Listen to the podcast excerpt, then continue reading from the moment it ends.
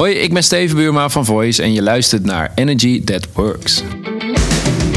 Welkom bij je break. Inspiratie voor professionals. Motivatie voor je werk. Arjen Bannach maakt alle energie weer in je los. Sluit je aan bij Energy That Works. Lieve luisteraar, het is 2018 en laat me beginnen met jou een heel gelukkig nieuwjaar toe te wensen. En ik hoop dat het een mooi, vruchtbaar, succesvol en gelukkig jaar voor je gaat worden. En ik vind het ontzettend leuk dat je ook in dit jaar weer de moeite neemt om naar de Energy That Works podcast te luisteren. Zoals je in de introductie hebt gehoord, heb ik deze week de gast voor je, Steven Buurma. We trappen het jaar af met hem en hij werkt bij Voice. En Voice is een bekend bedrijf en ook hun baas, Mark Vletter, een enorm bekend persoon. En vooral ook vanwege de manier hoe ze het werk daar doen klantgericht, medewerkergericht. Uh, Mark Vletter noemt zichzelf ook chef werkgeluk. En die is al te gast geweest in een aantal podcasts. En ik heb Steven Buurma gevraagd. En waarom heb ik nou juist hem uh, gevraagd om voor de microfoon te komen? Dat is omdat hij het concept van Voice uh, moest gaan vertalen naar Antwerpen, naar België. Want Voice wou behalve de Nederlandse telefoniemarkt, wouden ze ook de Belgische telefoniemarkt willen ze gaan veroveren.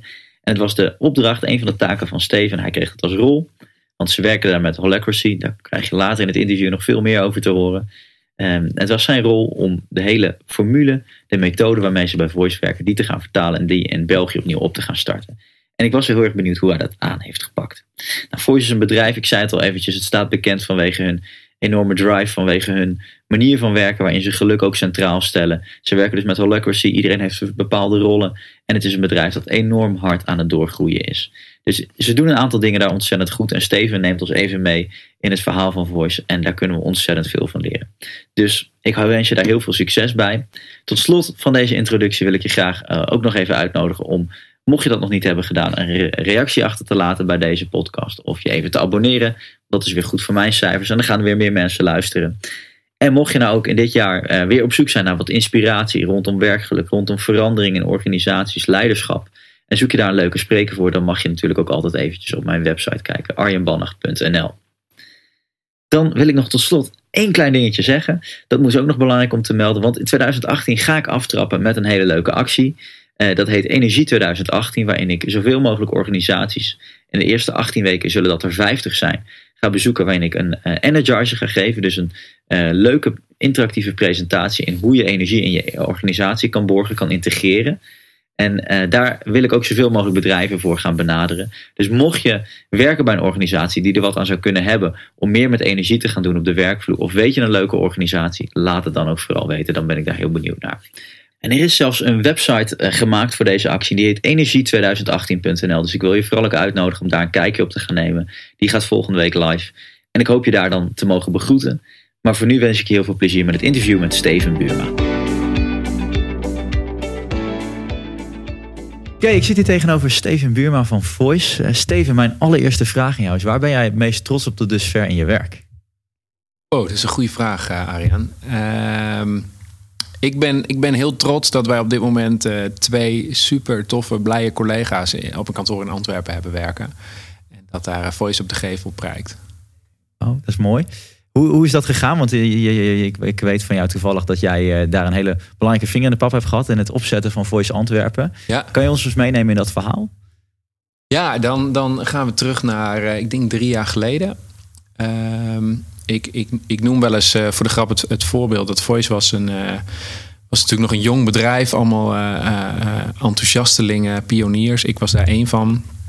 En ja, ik, ik deed ook sales voor Voice. Zoals uh, vele collega's uh, deden we eigenlijk alles om met, uh, van Voice een succes te maken. En dat was ook de fase waarin ik er tegenaan liep dat er een bedrijf uit, uit België belde. En nog eens één en nog eens één. En ja, zodoende ontstond bij mijzelf de gezonde interesse van... hé, hey, als dit nou bedrijven zijn die ons benaderen... zouden dat er in de toekomst niet nog wat een paar meer kunnen zijn... Um, dus ik ben op onderzoek uitgegaan om te kijken uh, of we daar iets mee uh, zouden moeten, zouden willen. En ja, van, van eigen idee, zoals het binnen, zelfsturende, binnen een zelfsturende organisatie gaat, tot, tot de uitwerking, tot het marktonderzoek, tot uiteindelijk het oprichten van een BVBA in België. En ja, dat is een beetje het proces hoe in een notendop Voice België ontstond. Wauw. Is eigenlijk heel interessant. Laten we nog even een stapje, een stapje teruggaan. Ja, want is eh, uiteindelijk is Voice gewoon een telecombedrijf. En eh, in eerste instantie zou je misschien zeggen, ja, dat is een beetje suf. Maar daar doen jullie, jullie laten toch het tegenovergestelde zien. Ja, kijk, Voice is een, eh, is een bedrijf met een missie. En, en telecom is, is nou niet direct heel sexy, hè, om maar even zo te noemen. Voice is ontstaan enerzijds vanuit, vanuit een frustratie dat eh, de telecommarkt toch op sommige punten toch wel een verrotte markt is, om het even heel plat eh, te zeggen.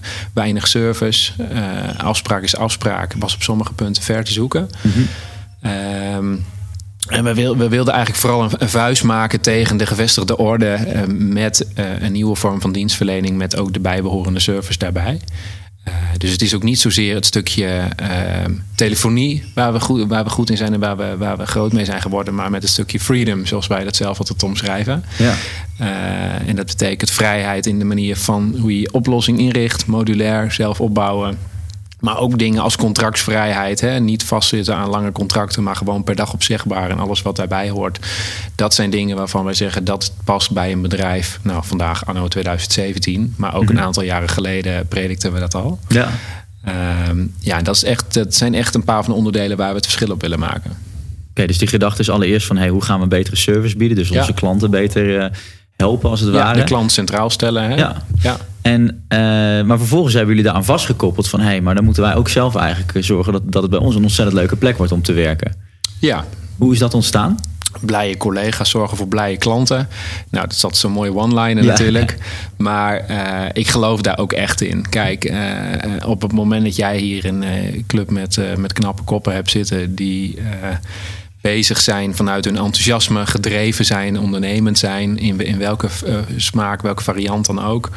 ehm, dan vertaalt zich dat ook in de manier waarop wij contact hebben met de buitenwereld. Dus met onze klanten. Uh, en dat, dat, dat doen we hier op verschillende manieren hè, om, om met elkaar een fijne werkplek te hebben.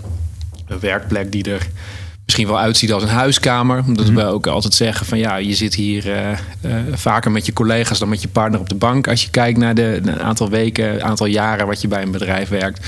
Dus dat moet ook gewoon een leuke, inspirerende omgeving zijn om in te werken. Uh, maar dat, ja, dat vertaalt zich ook in, uh, in tal van andere dingen natuurlijk. Ja, mooi. En op een gegeven moment, ja, dan maak je die keuze uh, als, als organisatie. Jij was een van, van de eerste daarbij betrokken. Um, en dan, dan, dan ja, maken jullie de keuze om te zeggen: hey, wij gaan ervoor zorgen dat we ook gelukkig werken gaan, gaan implementeren bij ons in het bedrijf. Ja. Wat, wat doe je dan? Ja, kijk, ik denk dat dat is natuurlijk altijd hè, van je besluit niet zomaar op een bepaald moment om gelukkig te gaan werken. Gelukkig waren we al gelukkig. Um, maar ik denk wel dat we ons altijd heel erg bewust waren dat we met een kleine club mensen allemaal deden waar we goed in waren. Um, de, de, de, de een deed advies, de ander deed de administratie. Of de een deed en advies en administratie, omdat we nog niet zoveel uh, collega's hadden. Um, maar ik denk dat het, het, het belangrijkste waar je uh, uh, constant aan toetst, is of een, of een bepaalde collega uh, het, het, leuk vindt wat hij doet. Ja. En in het begin heb je dan te maken met een, met een club jonge honden die met z'n allen een, een, een, een, een markt willen bevrijden, zoals wij altijd zeggen. Um, maar als je als bedrijf groter wordt, dan uh, ga je daar meer over nadenken van hey, hoe wil je zo'n proces als een bedrijf groeit meer gaan faciliteren. Ja. En dan is werkgeluk een van de dingen waarvan we zeiden, nou we hadden het vroeger heel erg naar, naar, uh, naar ons zin met elkaar. Hoe kunnen we dat in de toekomst volhouden? Ja. Ook, ook uh, ja, goed als je het hebt over de manieren waarop je je organisatie in de toekomst wil gaan inrichten. Dan praat je al gauw over een, een organisatiemodel. Hè? Ja. Zo'n heikelpunt als je groeit als bedrijf. Precies. En, en die hebben jullie uiteindelijk gevonden. Ook eentje waar jullie echt bekend mee zijn geworden in Nederland. Ja. Uh, kan je dat proces eens kort uitleggen? Want op een gegeven moment kom je erachter dat wordt het model waar we voor gaan kiezen. Hoe ja. is dat, dat besluit genomen en wat ga je dan doen? Ja, uh, kijk, als je als bedrijf op een, op een gegeven moment uh, managementboekjes gaat lezen, hè, de, de bekende managementboekjes die ze, nou ja, helaas ook nog steeds op de universiteit en op de hogeschool uit hun hoofd moeten leren, denk ik. Dan staat daarin dat je vanaf een bepaalde grens van collega's toch eigenlijk wel een poppetje zou moeten toevoegen, hè, de, de, de, de welbekende manager. En juist in die fase waarin we dus met een, met een kleine club mensen waren en iedereen deed waar hij goed in was, voelde dat eigenlijk heel erg vreemd om op een bepaald moment opeens te gaan zeggen van nou, we gaan of die collega meer macht geven of die, die gaat opeens zeggen wat ik moet doen. Ja. Management voelde eigenlijk heel erg als, als het stukje individuele verantwoordelijkheid wegnemen bij de collega's. Allemaal mensen in dienst, allemaal collega's met, uh, met, met een goede opleiding, met een gezond stel hersenen. Uh, en opeens tegen die mensen zeggen van nou, nu, uh, nu ga ik voor jou beslissen wat jij gaat doen. Dat voelde niet goed. En uh, uh, Mark, oprichter van Voice, die uh, is op dat moment wel heel erg gaan kijken van nou, uh, als we een model, hè, een, een, een, een redelijk flat model, platte organisatie willen behouden, welk jasje zou daar dan het beste omheen passen? En ehm, ja, als je dat ging napluizen, dan bestond dat eigenlijk niet. En toen, dat was eigenlijk wel het moment waarop hij is, is gaan rondvragen om zich heen van nou, Hè, aan mensen in het werkveld van nou heb je een manager? Zo, zo ja, is het een goede manager? En iedereen die gaf toch eigenlijk al wel snel aan van nou ja, ik heb een, ik heb een manager, maar nou, ik heb ik verder niet zoveel mee, uh, beknot me te veel. En de mensen die juist aangaven dat ze, uh, dat ze wel een goede manager hadden, die, die gaven te kennen van dat is iemand die me eigenlijk volledig vrij laat en mijn eigen keuzes laat maken. Dan kom je dus in de fase dat je denkt van nou ja, maar als iemand je vooral vrij moet laten. Uh, ja, waarom, waarom, waarom hebben wij die persoon dan nodig in ja. de organisatie? En kunnen we dat niet delegeren in een ander systeem? Ja. En dat is eigenlijk het moment dat we dus het voice-model bedachten, zo het destijds genoemd.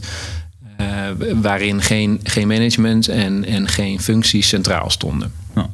En dan met name ook geen functies, omdat, nou ja, misschien ben ik daar zelf al het beste voorbeeld van. Ik, uh, ik heb rechten gestudeerd en uiteindelijk ook een uh, uh, gezonde dosis ondernemende en commerciële skills. Ja, die had ik niet kunnen ontplooien als ik hier puur in, een, in, in, in de rol van alleen maar de bedrijfsjurist was, ja. was gestopt. Uh, en juist door mensen op, op andere fronten ook dingen te laten doen waarvan ze denken dat die toegevoegde waarde zijn voor de organisatie, zie je dus dat daar, dat daar hele mooie dingen uit ontstaan. Ja. Dus vandaar dus rollen, geen functies. Dat betekent dat hier mensen, collega's rondlopen die, uh, die veel meer doen dan zeg en alleen één, uh, één rol. Ja. ja. Mooi. En op die manier kan je dus ook echt kijken van hey, waar is iemand goed in? En die geef je dus een bepaalde rol. Dus het is, het is veel breder dan functies als het ware. Ja, en dat kan natuurlijk ook veranderen. Hè? Dus kijk op het moment dat, uh, dat iemand als, ad, als adviseur binnenkomt.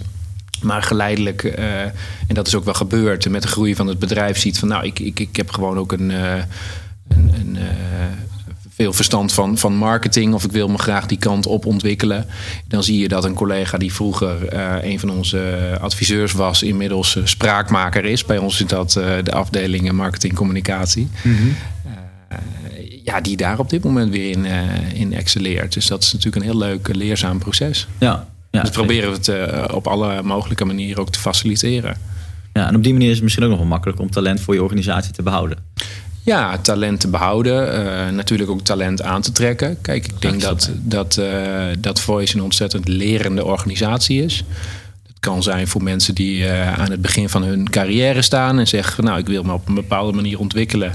En ik krijg dan van Voice alle, alle gelegenheid toe. Maar dat kan ook betekenen, hè, er de, de, de werken hier uiteraard ook gewoon mensen die uh, uit ander type bedrijven afkomstig zijn. En dat kan een wat traditioneler georganiseerd bedrijf zijn, maar dat zijn ook uh, nou ja, bedrijven die, die, die misschien uh, iets meer te vergelijken zijn met Voice. Mm -hmm. En ja, dat zorgt vervolgens ook wel weer voor een hele leuke mengeling aan talent en achtergronden. Ja mooi is dat. Ja, je, je gaf net even aan, er is ook een bepaalde. Uh, waar, waartoe bestaan wij? Uh, jullie zijn voor vrijheid, jullie die willen die markt een beetje wakker schudden. Ja. En daarmee uh, stel je voor jezelf ook een bepaalde waarde. Je hebt kernwaarde of een doel waar je met z'n allen naartoe leeft. In hoeverre is dat ook belang voor hoe energiek die werknemers hier zijn? Hoe doe je dat precies? Nou, dat, dat wel wordt gesteld dat een, een gedeelde droom waar je met z'n allen achter ja, staat heel belangrijk ja. is. En jullie je hebben, het al twee keer laten vallen. Ja. Uh, dus dat, dat wordt hier ook heel duidelijk gecommuniceerd, heb ik het ja, idee. Klopt, klopt. Ja, kijk, uh, uiteindelijk is de droom die je, die je ooit had en die je met z'n allen wilt hebben, uh, natuurlijk hier gewoon flink verankerd in de organisatie. Ehm, dat kan dienen als stip op de, op de horizon, als inspiratie. En uh, ja, wij proberen ook, ook mensen daarin mee te nemen. Hè? Kijk, uiteindelijk uh, zeggen we ook wel van hè, we willen graag met de techniek die we ontwikkelen als bedrijf um, een miljard mensen uh, in de wereld online helpen. En dat kan op verschillende manieren hè, waarop je daar handen en voeten aan geeft. Ehm, maar dat is wel een droom die zich eh, ook weer vertaalt in, in nou ja, eh, eh, sneller bereikbare routes, zal ik maar even zeggen. Van, nou, van, een, van een vrijwilligersproject in de organisatie tot, tot noem het maar op, om die droom na te streven. Ehm, en het is heel, heel mooi en heel leuk om, om, om iedere dag mee te maken dat mensen daar zo gepassioneerd over zijn. En op die manier in de, in de wereld te staan.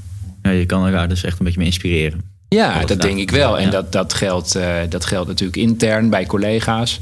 Maar uh, nou ja, als je het hebt over nou, wat ik net vertelde, hè, de manieren waarop je je organisatie inricht, hoe je ook naar dingen kan kijken hoe je daar als bedrijf van kan leren, hoe je daarop ontwikkelt. Want het is natuurlijk ook een proces waar wij ooit in balans zijn. En ik denk dat een organisatiemodel nooit af is, want er zit immers het woord organisch in. Dus dat zo groeit het ook door. Mhm. Dat dat ook een inspiratie is voor, voor velen. En dat vinden wij, uh, vinden wij leuk. En dat zien we ook als onze doelstelling om daarover uh, over te vertellen. Ja. ja, mooi.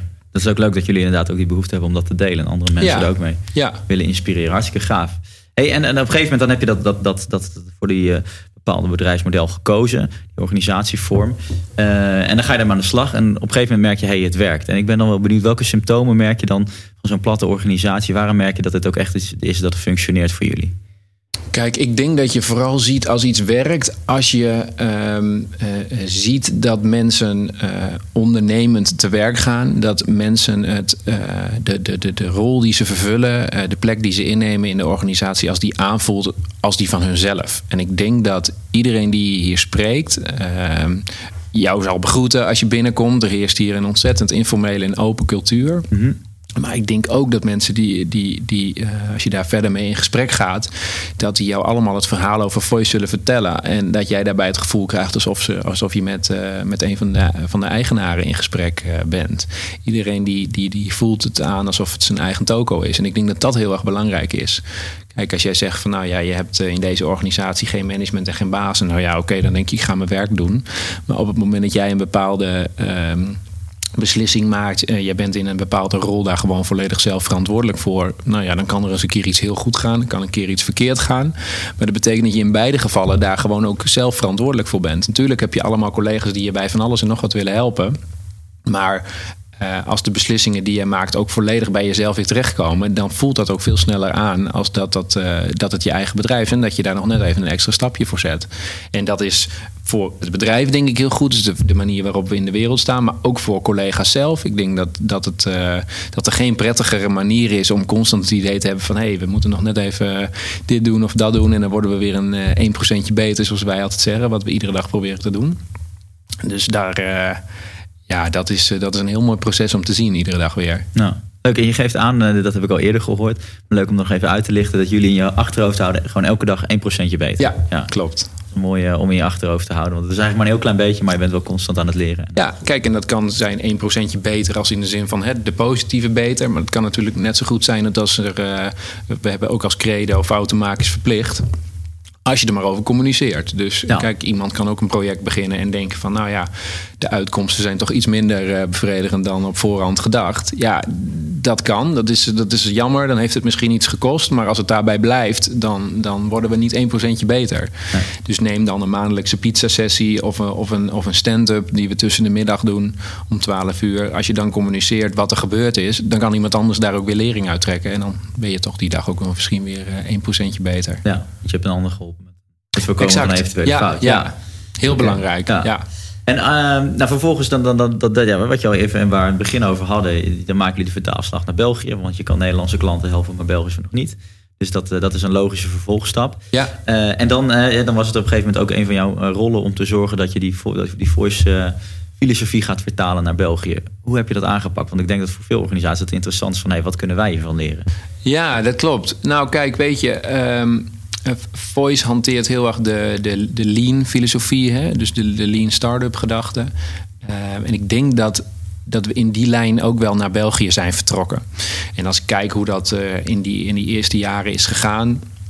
Dan zie je vooral dat wij uh, op gesprekken zijn geweest bij, bij bedrijven in België, bij mogelijke klanten, uh, overheden die ons hebben geholpen. Dus waar, waar, waar men wel eens veronderstelt dat Belgen vrij bot en gesloten zijn, mm -hmm. heb ik toch ook wel meegemaakt. Het, ja, de tegenovergestelde situatie. Men is heel faciliterend, heel welkom. Ik denk dat we daar wat dat betreft in Nederland nog een, nog een voorbeeld aan kunnen nemen noem vaak het, voordeel, of het, het, voorbeeld van als je je in Nederland inschrijft bij de Kamer van Koophandel, dan is het van nou, gefeliciteerd met uw bedrijf en uh, ga met die bananen. Dat was het dan. Ja. Um, in België ging dat heel anders. Je schrijf je daar uit, nou ja, uiteindelijk hè, na het voortraject dan hè, schreven we ons daarin. En vanuit allerhande uh, uh, hoeken werden we, werden we ook wel benaderd van goh, als we je nog ergens in kunnen helpen. Of dat nou op het gebied van huisvesting is. Zijn uiteindelijk in, in Antwerpen gevestigd. Nou, ook vanuit de stad Antwerpen. Dat men je faciliteert om eens even een kantoor met je te gaan bekijken. Tot nou ja, andere ondernemers die, uh, die via een bepaalde club bij je komen. Van nou, als je nog eens een vraagstuk ergens hebt, leg het bij ons neer. Um, ja, dat, dat, dat, dat vond ik heel speciaal. Hm. En ja, kijk, als je verder uh, uh, uh, kijkt hoe dat traject loopt, dan, dan is het vooral ook het uitproberen van wat je in Nederland hebt. Om eens te gaan kijken van hoe, hoe zou zoiets aanslaan in België. Dus ja. het is niet een kwestie van nou hier heb je zes ton aan marketingbudget en neem maar daarnaast een paar collega's aan en, en stuur die maar met een paar oudjes het land in. Nee, dat is niet de manier waarop we het hebben aangepakt. Ja. Uh, wij zijn heel klein begonnen, klein, uh, kleine pilot, testpubliek. Kijken van hey, wat gaat goed, wat kan beter. Gesprekken met, met eindklanten, uh, met, met, met uh, bedrijven om te kijken van goh, is onze oplossing eventueel iets voor jou? Waar zie je nog verbeteringen? Ja, dat betekent dat je af en toe ook weer terug moet naar de tekentafel. En nou ja, zo heeft zich de propositie in België ontwikkeld. Dus bijsturen, bijschaven en uiteindelijk uh, met een goed product naar de markt. En dat betekent nog steeds wel eens dat we feedback van klanten krijgen om in dingen waarvan we denken: oh ja, dat moet toch nog even weer beter. Ja. Uh, of dat daar nog een klein verschil zit. Hè? Iets waar je geen rekening mee hebt gehouden als uh, Nederlandse club. iets wat daarin ook wel geholpen heeft. Wij zijn op een duur een samenwerking aangegaan met Vlerik. Ik denk dat je Vlerik als dus een business school uit België. Ik denk dat je ze wel enigszins kunt vergelijken met Nijenrode in Nederland. Hm. Uh, drie uh, uh, hele slimme jongens hier gehad. Die hier vier maanden een, een, onderzoek hebben gedaan naar nou ja, het laatste stuk haalbaarheid, zal ik het maar even noemen. financieel en op andere fronten in België. En dat was eigenlijk het, nou ja, het laatste gedeelte wat we ook nog nodig hadden om bepaalde dingen nog even te factchecken, te verifiëren. Um, ja, en toen zijn we losgegaan. Ja. ja, en het gaat inmiddels heel goed. Inmiddels met, uh, met twee collega's in, uh, in België aan het werk. Met natuurlijk de back-office uh, in Nederland. En ja, de derde is een aantocht. Ja, spannend dus, Wat goed. Ja, ja ja. een succesverhaal wat dat betreft. En is het ook, want hè, dan ben je eerst de, de, het, het, het, de, markt een beetje op zijn kop aan het zetten of wakker aan het schudden. Dat zijn jullie ook in België aan het doen. Ja. En lukt het dan ook om dat gelukkige werken wat je hier in Nederland zo goed doet, om dat ook te vertalen naar België? Zijn die collega's ook gelukkig daar? Ja, nou kijk, eh, wat we geprobeerd hebben en wat we uh, nog steeds doen bij iedere collega die, die er in Nederland komt, maar uiteraard ook in het buitenland, is dat we die collega opleiden in Groningen. Uh, op, op, op het hoofdkantoor hier. En uh, we, pro we, proberen op die manier natuurlijk iemand gewoon de, de introductie te geven in Voice en de manier waarop Voice in de wereld staat. Mm -hmm. uh, dus, dus collega's worden op die manier helemaal eigen. En, en, en, en ook met de gedachte om dat uiteindelijk mee te nemen naar België. Ja. Um, en het, het, leuke om te zien, we hebben nu natuurlijk nog maar twee collega's, dus hè, dat, dat is nu makkelijk praten. Uh, het zijn twee uh, ondernemende, slimme dames die daar aan het werk zijn, die, die, die uh, nou ja, echt ontzettend veel voice DNA hebben, denk ik. Maar wat wel heel leuk is om te zien, de manier waarop zij dat uitdragen. Um, dat we nu bijvoorbeeld in België al een, een stuk of wat spreeksessies achter de rug hebben van bedrijven die ons weer benaderd hebben in België notabene. Van goh, uh, jullie zijn toch dat bedrijf uh, die anders georganiseerd zijn. Zouden jullie eens daar wat over uh, willen vertellen tijdens ons event? Nou, dat vind ik heel bijzonder als je ja. eigenlijk nog maar relatief korte periode in een bepaald land actief bent. Um, en dat, ja, dan komen we toch weer op het verhaal van gelukkige collega's hebben gelukkige klanten. Nou, in mm. deze stralen Eva en Nina dat zeker uit. En ja, op die manier vertaalt zich het naar België. En, en, en, en het, er ontwikkelt zich ook een, een eigen cultuur. Want natuurlijk is België net een andere markt. Het vereist een net wat andere manier van contact met klanten. En die combinatie daarvan, dus hoe je hier iets kunt meegeven en hoe zich dat uiteindelijk doorvertaalt in een, in een buitenland, dat is heel mooi om te zien. En daar is natuurlijk het contact heel erg belangrijk in. Hè. We hebben uh, wekelijks, zo, zo, niet soms dagelijks, uh, meetings waarin we ook gewoon op afstand uh, de collega's vanuit België bijschakelen. Ja. Dus het is niet zo dat we, dat we helemaal los van elkaar opereren hoor. Dat, nee, nee, nee. Dat... Zij komen hier, wij komen daar. Dus ja. We zijn gewoon eigenlijk nog één. Ja, zeker. En dat is ook dat is een hele mooie manier, denk ik. Hey, en, en eh, als je nou eens mag, mag, mag filosoferen, bedrijven nemen, dit, dit, zou dit ook willen implementeren. Ja. want in ieder geval wat je doet, je bent met gelukkige werken bezig. Voor iedereen betekent dat wat anders. Wat, wat zijn dan dingen waarvan jij zegt, hey, dit heeft voor ons gewerkt, wat andere bedrijven eigenlijk ook makkelijk over zouden kunnen nemen? Nou, kijk, ik denk, we, we krijgen hier natuurlijk regelmatig uh, clubs over de vloer die geïnteresseerd zijn in van hoe gaat dat nou precies? Ik denk dat als er bedrijven zijn die zich daartoe aangesproken voelen, dat daar bij deze dan ook de open uitnodiging staat om eens een keer te komen kijken. Uh, maar wat als ik zelf dat verhaal vertel, ook altijd meegeef, is van goh, probeer het vooral niet helemaal te kopiëren zoals wij het hebben. Want iedere organisatie is anders. Ja. En de manier waarop wij het hebben aangepakt, met uh, heel goed over nadenken van hè, wat is de why van je organisatie? Hoe wil je in de wereld staan? Hoe wil je met je klanten omgaan? Hoe wil je met je personeel omgaan? Dat dat allerlei dingen zijn die, nou ja, best per bedrijf wel weer anders kunnen zijn. Maar dat je wel heel veel dingen misschien hier kunt tegenkomen waarvan je denkt, hey, die, die zouden we eens kunnen uitproberen. Ja. En uh, de vraag die wij ons altijd stellen, want verandering is hier eerder de maatstaf, uh, is vaak van: hey, is als we dit gaan uitproberen schadelijk voor de organisatie? Nou, iets is niet heel snel heel schadelijk voor de organisatie. Ja. Uh, dus uh, hebben we een nieuwe chat tool of noem het maar op, dan is het al snel van: nou, laten we het proberen zien we naar een periode van hey, dit is misschien toch iets minder handig, dan kun je altijd weer terug. Ja. Maar dat is uh, een veel mooier uitgangspunt, een veel positiever uitgangspunt dan eerst op de rem gaan staan en uh, 10.000 onderzoeken te doen totdat je denkt van nou, nou kunnen we het doen. Mm. En dan concluderen dat de tool alweer achterhaald is. Uh, dus zo zie je, en ik denk dat we ook op dat front, hè, nou, neem een tool als Slack, die we een aantal jaar geleden, inmiddels alweer toen Slack net bestond, in gebruik namen dan, dan, dan moet je je voorstellen dat die situatie hier als volgt gaat. Dat Johan hier komt aanlopen en zegt... nou, dit is, uh, dit is tof, dit moeten we eens een keer gaan proberen. En uh, nou ja, eerst wat uh, schreven gezichten van... oh jongens, weer een andere chat tool. We waren net gewend aan die vorige. En opeens zag je dat, het een, dat collega's het gingen adopteren... nadat Johan het bij ze had ge, geïnstalleerd... En dat, uh, um, dat, het, dat Slack zichzelf verkocht. Ja. En dat we opeens allemaal Slack aan het proberen waren. En dat iemand anders weer aan iemand anders ging vertellen van... hé, hey, ik gebruik nou een uh, leuke tool. Dat moet je ook eens voor je bedrijf proberen, de Slack. Nou, weet je, dat, dat, en, en, en, en zo gaat het denk ik ook tijdens als bedrijven hier komen kijken... bij een manier van werken. Uh, de meetings die binnen Holacracy op een bepaalde manier zijn opgebouwd. Ja, gaan er eens bij zitten. Is dit een systeem wat bij jullie zou kunnen passen? Ja. Kijk, zelfsturing heb je in verschillende soorten. En binnen Voice werkt Holacracy heel goed. Maar we zeggen ook vaak van kijk, uiteindelijk is niet het systeem leidend, maar zijn wij leidend. En Holacracy is in dit geval faciliterend. Ja. Dus dat kan best betekenen dat we over een paar jaar weer met een heel ander systeem werken. Maar dat, daar gaat het uiteindelijk niet om. Ja, mooi. Het moet dat een de van jullie ja, zijn. Zeker. ja, zeker. Ja, ja. productiviteit. Prachtig. Oké, okay, en um, Waar ik dan wel benieuwd naar ben, want er zijn een aantal dingen. Jullie werken met Holacracy. Ja. Uh, maar er zijn sowieso nog een heleboel aantal leuke dingen die jullie hier doen. Uh, die andere bedrijven ook zomaar over kunnen nemen. Jullie hebben allemaal grappige gimmicks. Bepaalde kleine werkvormpjes die jullie gedurende de dag door doen. Die voor jullie eigenlijk heel normaal zijn. Maar waar andere bedrijven eigenlijk nog helemaal niet over na hebben gedacht. Zou je dus een paar kunnen delen? Ja, dat is een goeie. Als je daar nu zo over na zit te denken. We hadden natuurlijk zo straks in de voorbereiding al... dat ik zomaar opeens zat van... nou, ik zal het je wel even slekken. En dan uh, komt het hier op de Matrix te staan.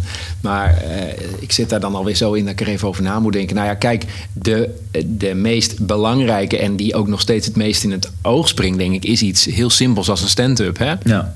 Stand-up deden we ook al... Nou ja, voordat we überhaupt uh, bezig waren met, met anders organiseren.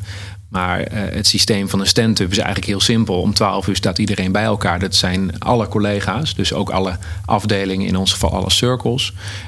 En iedereen vertelt op dat moment uh, wat hij die dag gedaan heeft. Uh, of hij nog tegen dingen is aangelopen waar hij hulp bij nodig heeft.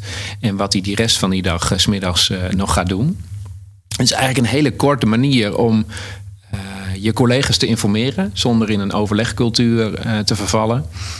Ehm, iedereen op de hoogte te houden. Ik kan s ochtends ergens tegenaan zijn gelopen van iemand anders als ik dat tijdens de stand-up hoor. Denkt van hé, hey, dat is, gaat over die en die klant. Oh, dat uh, moeten we buiten de stand-up nog maar even met elkaar bespreken. Dus uh, het is een hele korte manier om elkaar te informeren. Ja, dat kan om zoiets kleins gaan waarvan een bedrijf denkt van een oud collega hier die, die, die daarna in een, in een zorginstelling belandde en dat daar invoerde. Ja. ja. dat ging opeens allemaal veel soepeler in dat team. Ja, door, door zoiets simpels. Ja. Uh, maar dat kan denk ik ook gaan over de manier waarop we hierheen kijken. Uh, uh, over, over afdelingen. Hè. We hebben hier geen afdelingen, maar we proberen toch in, bij vraagstukken vaak verschillende rollen te betrekken. Maar dat, dat gaat niet als van nou, marketing bedenkt opeens dat, dit of dit. Maar dat, dat, dat kan ook gaan van jongens, laten we even met elkaar de koppen in een hok steken. En een bepaald idee gaan uitwerken. En daar komen soms ook mensen met ideeën die van, eh, die van een hele andere afdeling zijn, van een hele andere cirkel zijn. Dus dat is weer de, de verfrissende manier uh, van, van, van aanpak. Dus ja, ja goed, het, zit hem waarschijnlijk nog in tal van andere kleine dingetjes waar ik nu niet op kan komen. Ja. Maar, uh... nou ja, ik, ik, weet er toevallig nog een paar waarvan ik dat misschien ja, wel leuk vind. Ja. Ja. Nou, jullie lunchen met, met, met, met Mark. Dat, kan je dat heel kort uitleggen hoe dat structuur werkt? Ja, nou ja, kijk, iedere dag na de, na de stand-up dan, uh, dan lunchen we met elkaar. Uh, we hebben hier uh, twee lunchcollega's in dienst die hier iedere dag een heerlijke lunch klaarzetten. en, en ja, ingegeven vanuit de gedachte dat als je met elkaar heel hard aan het werk bent, dat het ook eventjes tijd is tussen de middag om met elkaar te ontspannen. En na je boterhammetje nog even met elkaar door te, te kletsen over andere dingen dan alleen werk. En uh, ja, daarin zeggen van nou, we hebben een half uur uh, natuurlijk pauze van jezelf en een half uur van de baas. Dus in principe heb je een, een, een, een, uur pauze. Ik zeg bewust natuurlijk even baas, hè, maar van hebben we met z'n allen zo bedacht. En, en dat is echt even het ontspanningsmomentje. Even, er staat weer iets lekkers op tafel en, en, en collega's kletsen even met elkaar. Nu we wat groter zijn, zitten we uh, wat verspreid in, in, in, in verschillende kantoren hier. Mhm. Dus je ziet elkaar ook niet meer zo intensief als je misschien vroeger uh, naast elkaar zat. Ja. Dus je hebt even een, een, een leuke manier om even weer met elkaar bij te kletsen en te ontspannen. Ja. En het klopt ook nog dat jullie toch een persoonlijke lunch doen uh, met, met, met, uh, ja, de, ja, vroeger noemden we dat zo inderdaad, lunchen met de baas. Ja. Uh, tegenwoordig hebben we het omgedraaid. Het was een idee van een collega. Ehm, we, we, doen een soort roulatieschema. Ja. dus, dus de ene keer lunch ik met jou. En daarna wijs jij weer aan met wie ik mag lunchen. En zo, en zo iedereen, gaat het weer door. En op een duur dan, uh, ja, dan creëer je dus een systeem dat, waarin iemand zegt... als er een nieuwe collega is van... hé, hey, die kent die waarschijnlijk nog niet zo goed uit een ander team. Ja. Uh, laten die eens met elkaar gaan lunchen. Nou, dan is het één op één. Ja, ja. is één op één. Ja, dat gaat eigenlijk nog weer buiten de normale lunch, zal ik maar zeggen, om. Leuk, leuk. En, en, jullie wisselen ook van werkplek. Dat is ook zich ook wel heel... Klopt, de stoelendans. De stoelendans. Ja, hoe kon ik die nou vergeten? ja. Ja, want jij over drie weken zei je, moet je ook weer een nieuwe plek zoeken. Ja, kijk, een, een, paar jaar geleden was, de, was er natuurlijk een hele enorme discussie over HNW, hè, het nieuwe werken. Iedereen die moest anders gaan werken. Nou, iedereen kent ook nog de verhalen van hier bij de Groningse Belastingdienst in het nieuwe kantoor, waar iedereen om half zeven al voor de deur stond omdat hij het mooiste plekje bij het raam wilde. Nou, daar, dat vonden wij eigenlijk niks. Hè. Iedereen die, dat blijkt ook wel uit, uit onderzoeken de afgelopen tijd is toch wel heel erg gehecht aan zijn eigen plek, aan zijn eigen spulletjes op die plek. Even een fotootje, noem het maar op. En uh, dat, vanuit dat uitgangspunt zijn we eigenlijk gaan kijken van hoe kan dat nou een stukje mooier. We kregen hier op nu steeds meer collega's. Uh, zodoende ontstonden er ook uh, expertises. Hè. We hadden support. Nou, tegenwoordig heet dat klantgeluk. We hadden advies. Nou, we hadden marketing, spraakmakers. Nou, dat, dat werden eigenlijk, nou ja, eilandjes zou je kunnen zeggen. Ja. En we wilden eigenlijk niet dat die eilandjes ook de, de, de, de nou ja, letterlijk eilandjes werden. Uh, dus we wilden graag wat meer rollenspreiding. Dus waar, waar we uh, voor, voor gezorgd hebben, waar we naar gekeken hebben, is om te kijken van nou, hoe kunnen we nou een mengeling maken van alle collega's zonder daar de, de teams omheen te bouwen. Dus het kan betekenen dat ik nu eens een keer tegenover iemand van onze administratie zit. En dat daarnaast iemand van marketing zit. En dat je zo een heel erg mooi uh, gespreid systeem krijgt van mensen die op verschillende plekken zitten. Op die manier leer je elkaar beter kennen. Want als je ziet hoe iemand zijn werk doet, op een manier waarop die misschien dingen vertelt gedurende zijn werk om. Je, je, je, werkt op een hele leuke manier samen als je een keer naast iemand anders zit. Ja. En uh, om dat dynamisch te houden, wisselen we daar uh, eens in het half jaar weer mee. Dus dat betekent dat ik straks weer een, een andere buurvrouw of buurman krijg. Uh, dus dat is in, uh, in ons geval over drie weekjes weer het geval. Ja, ja. hele leuke, simpele manier eigenlijk te doen, Ja. maar dat wel Ja. veel opbrengt. Ja, leuk. Ja, en met onze telefonie biedt dat je natuurlijk flexibiliteit om gewoon op ieder plekje te kunnen zitten. Dus het heeft ook nog weer een, eh, het heeft ook nog weer een commerciële boodschap. Precies, precies. Hartstikke goed. Oké, ik, ik ben, ben ook nog wel even benieuwd, want dit, dit, hier zit misschien ook nog wel wat uitdagingen aan. Want als je op zo'n manier wil werken, het gaat niet vanzelf. Tuurlijk. Wat, uh, waar, waar, lopen jullie tegenaan? Wat zijn dingen waarvan je zegt, hey, dat, dat, dat is wel belangrijk om rekening mee te houden waar organisaties bijvoorbeeld op zou kunnen letten? Nou, kijk, als je het heel groot bekijkt, hè, het, het, hele vraagstuk van zelfsturing is natuurlijk heel vaak de vraag. Hè, ook als we een paar jaar geleden keken van nou joh, Voice met zijn zelfsturing, dat, dat gaat goed tot, uh, tot 20 man en dan, uh, dan, dan, dan zal het wel niet meer goed gaan. Nou, we hielden het vol tot 30, tot 40, tot 50. Um, en het gaat nog steeds hartstikke goed. Maar ik denk dat de uitdaging voor een bedrijf die op deze manier wil werken, maar ook voor ieder ander bedrijf, dat dat feedback is. Je systeem valt of staat met elkaar aanspreken op gedrag, elkaar uh, kritisch reflecteren op, op het werk wat iedereen doet. Er is niet iemand, uh, in ons geval tenminste, die boven mij staat, die mij vertelt wat ik moet doen. En ook aan het einde van de rit gaat kijken van nou heeft Steven dat eigenlijk wel, wel op de juiste manier gedaan. Mm -hmm. Dus het is belangrijk dat je elkaar daarin uh, uh, uh, dat je mekaars werk daarin probeert te, te, kennen, de persoon probeert te kennen en, en, en daarin met elkaar kijkt van nou, hoe komen we gezamenlijk tot verbetering, hoe, hoe word je als persoon beter in een organisatie en hoe wordt uiteindelijk de organisatie beter. Ja. En ik denk dat dat binnen het systeem van zelfsturing een van de belangrijkste uitdagingen is. En dat is ook iets waar we als bedrijf nou ja, dagelijks misschien wel mee bezig zijn. Om, om daar ook op, ook op zo'n proces te reflecteren. Hè? Feedback blijft denk ik altijd iets lastigs. Dat kun je verankeren op verschillende manieren. En dan, nou ja, dan, dan, zakt het misschien weer wat weg. En dan moet je de mensen even op attenderen. Dan, we hebben daar tegenwoordig ook een, een tool voor ontwikkeld... Om, uh, om op een andere manier met feedback bezig te zijn. Om ook periodiek een bepaalde nieuwe collega... weer ergens feedback op uh, te geven. Zo proberen we dat proces... Uh, levendig te houden. Ja. En een andere keer doen we er weer eens een training over. Dus dat, ik denk dat dat wel echt een, een, belangrijke uitdaging is. En ook om vooral als bedrijf die met zelfsturing wil gaan werken, hè, om niet een, een, een cultuurprobleem hiermee op te lossen. Het ja. bekende verhaal van, nou ja, in, in, in, in zorgsituaties heb ik hem nog wel eens voorbij horen komen. Uh, alle, alle managers eruit, maar feitelijk was het een soort verkapte bezuinigingsmaatregel. Dus uh, kijk, dat, dat is natuurlijk niet uh, de manier waarop je dit moet invoeren.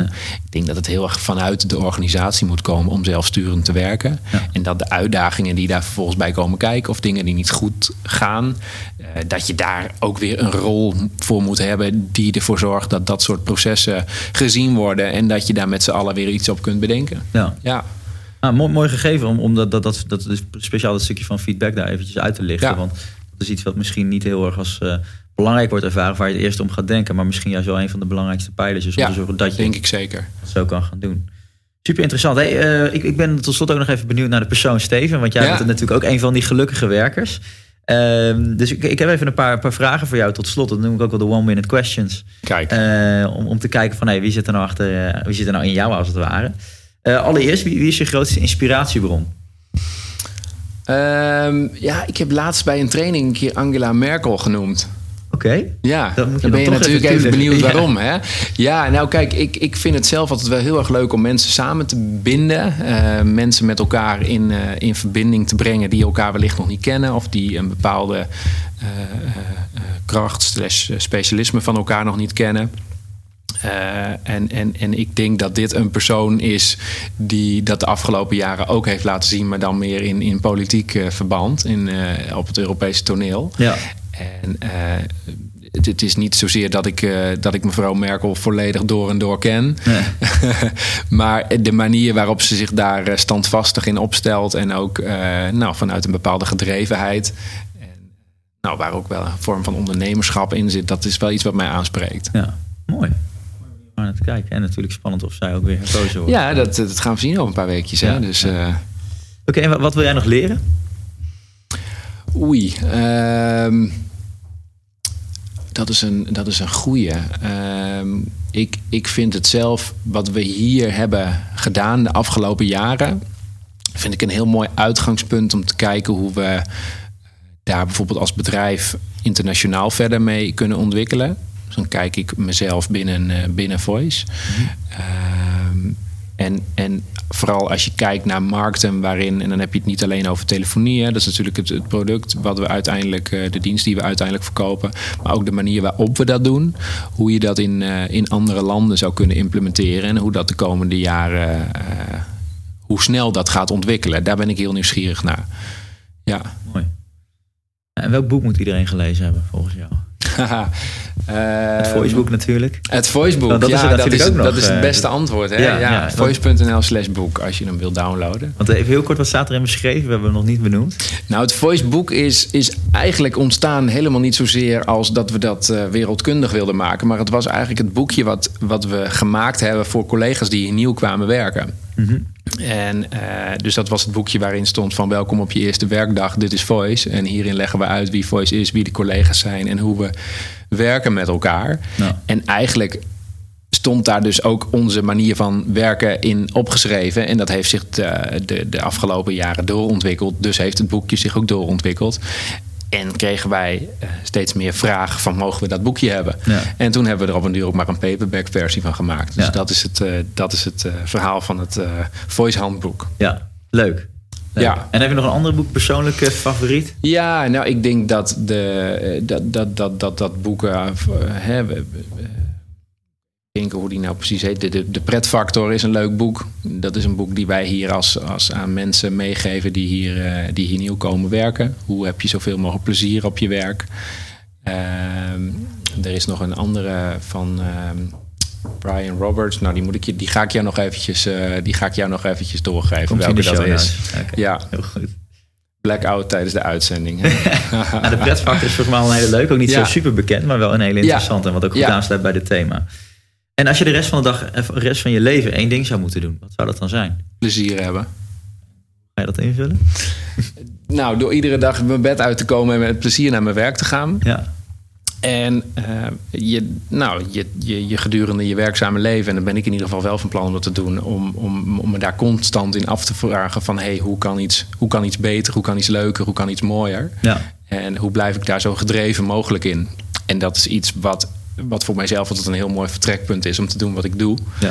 Eh, en nou, als ik daar enigszins ook mensen mee kan inspireren of mee verder kan helpen, dan eh, geeft me dat heel veel voldoening. Ja, mooi. En, en als ik nou een vrije dag zou hebben, wat zou ik volgens jou daarmee moeten doen? Een dagje bij Voice komen werken. Kijk, mooi. En dat, je kan ook een dagje komen kijken, hè? Dat, Ja. eh, dat hebben jullie eens in de zoveel tijd. Ja, dan, Ja. ben je gewoon welkom. Ik, ik vind het zelf heel erg leuk om, om, om daar ook proactief bij andere bedrijven naar te vragen. Ja. Ik ehm, eh, vind het mooi om te zien hoe mensen zich daar ook in opstellen. Dus als ik iemand bel van... joh, jij hebt een bepaald eh, specialisme... zou je me daar eens wat meer over willen vertellen... en zou ik eens een keer een dagje bij je mogen kijken...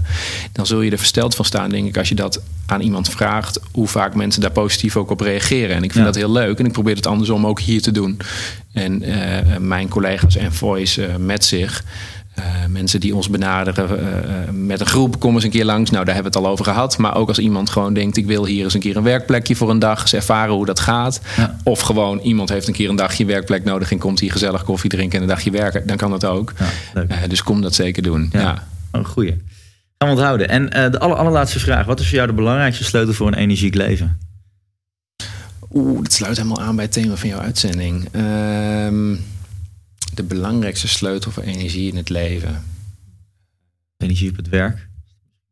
Ja, nou, ik, ik denk dat ik, dat ik weer op het stukje plezier kom. Ik denk dat als je niet vertrekt vanuit, eh, vanuit het uitgangspunt dat je plezier met elkaar hebt en dat je met z'n allen de schouders eronder eh, eh, zet. En met nadruk op, op met z'n allen. Dat je, dat je dan gedoemd bent te mislukken als je dat niet doet. Ja. Dus, dus ik, ik sluit daarbij aan. Ja. ja. En, en als je dan, eh, want, want jullie doen dat hier als geen ander. Jullie staan onbekend in Nederland Ja. en jullie stralen het ook met z'n allen uit. Dat is dan het ene ding waarvan je zegt, nou daar moet je dan echt op letten als je dit wil gaan doen op je. Hè, want het, het gaat dus om met elkaar plezier creëren. Ja, creëren. Hoe ga je dat dan doen? Eén tipje één tipje. van, van Voice. Ehm, ik, zou const, ik zou constant bezig zijn met hoe, hoe maken we het 1% beter. En als je jezelf die vraag stelt, en het Ja. klinkt misschien heel gemakkelijk, omdat ik hem al jaren bezig. Ehm, maar dan kun je dat op heel veel processen en op je dagelijkse werkzaamheden eh, van toepassing verklaren. Ja. En het gaat de manier waarop je iedere dag met je, met je tasklist omgaat.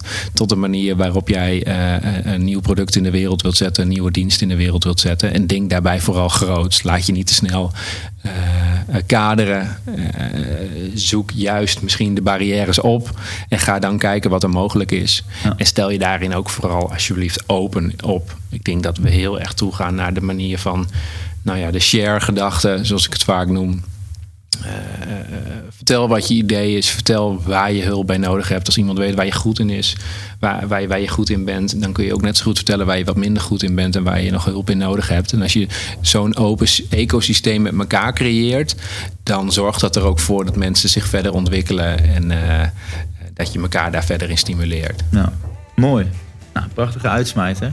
Steven, mag je hartstikke bedanken. Heel graag Mooi gedaan. En eh, we zien elkaar weer. Top, komt goed, dankjewel. Sluit je aan That Works.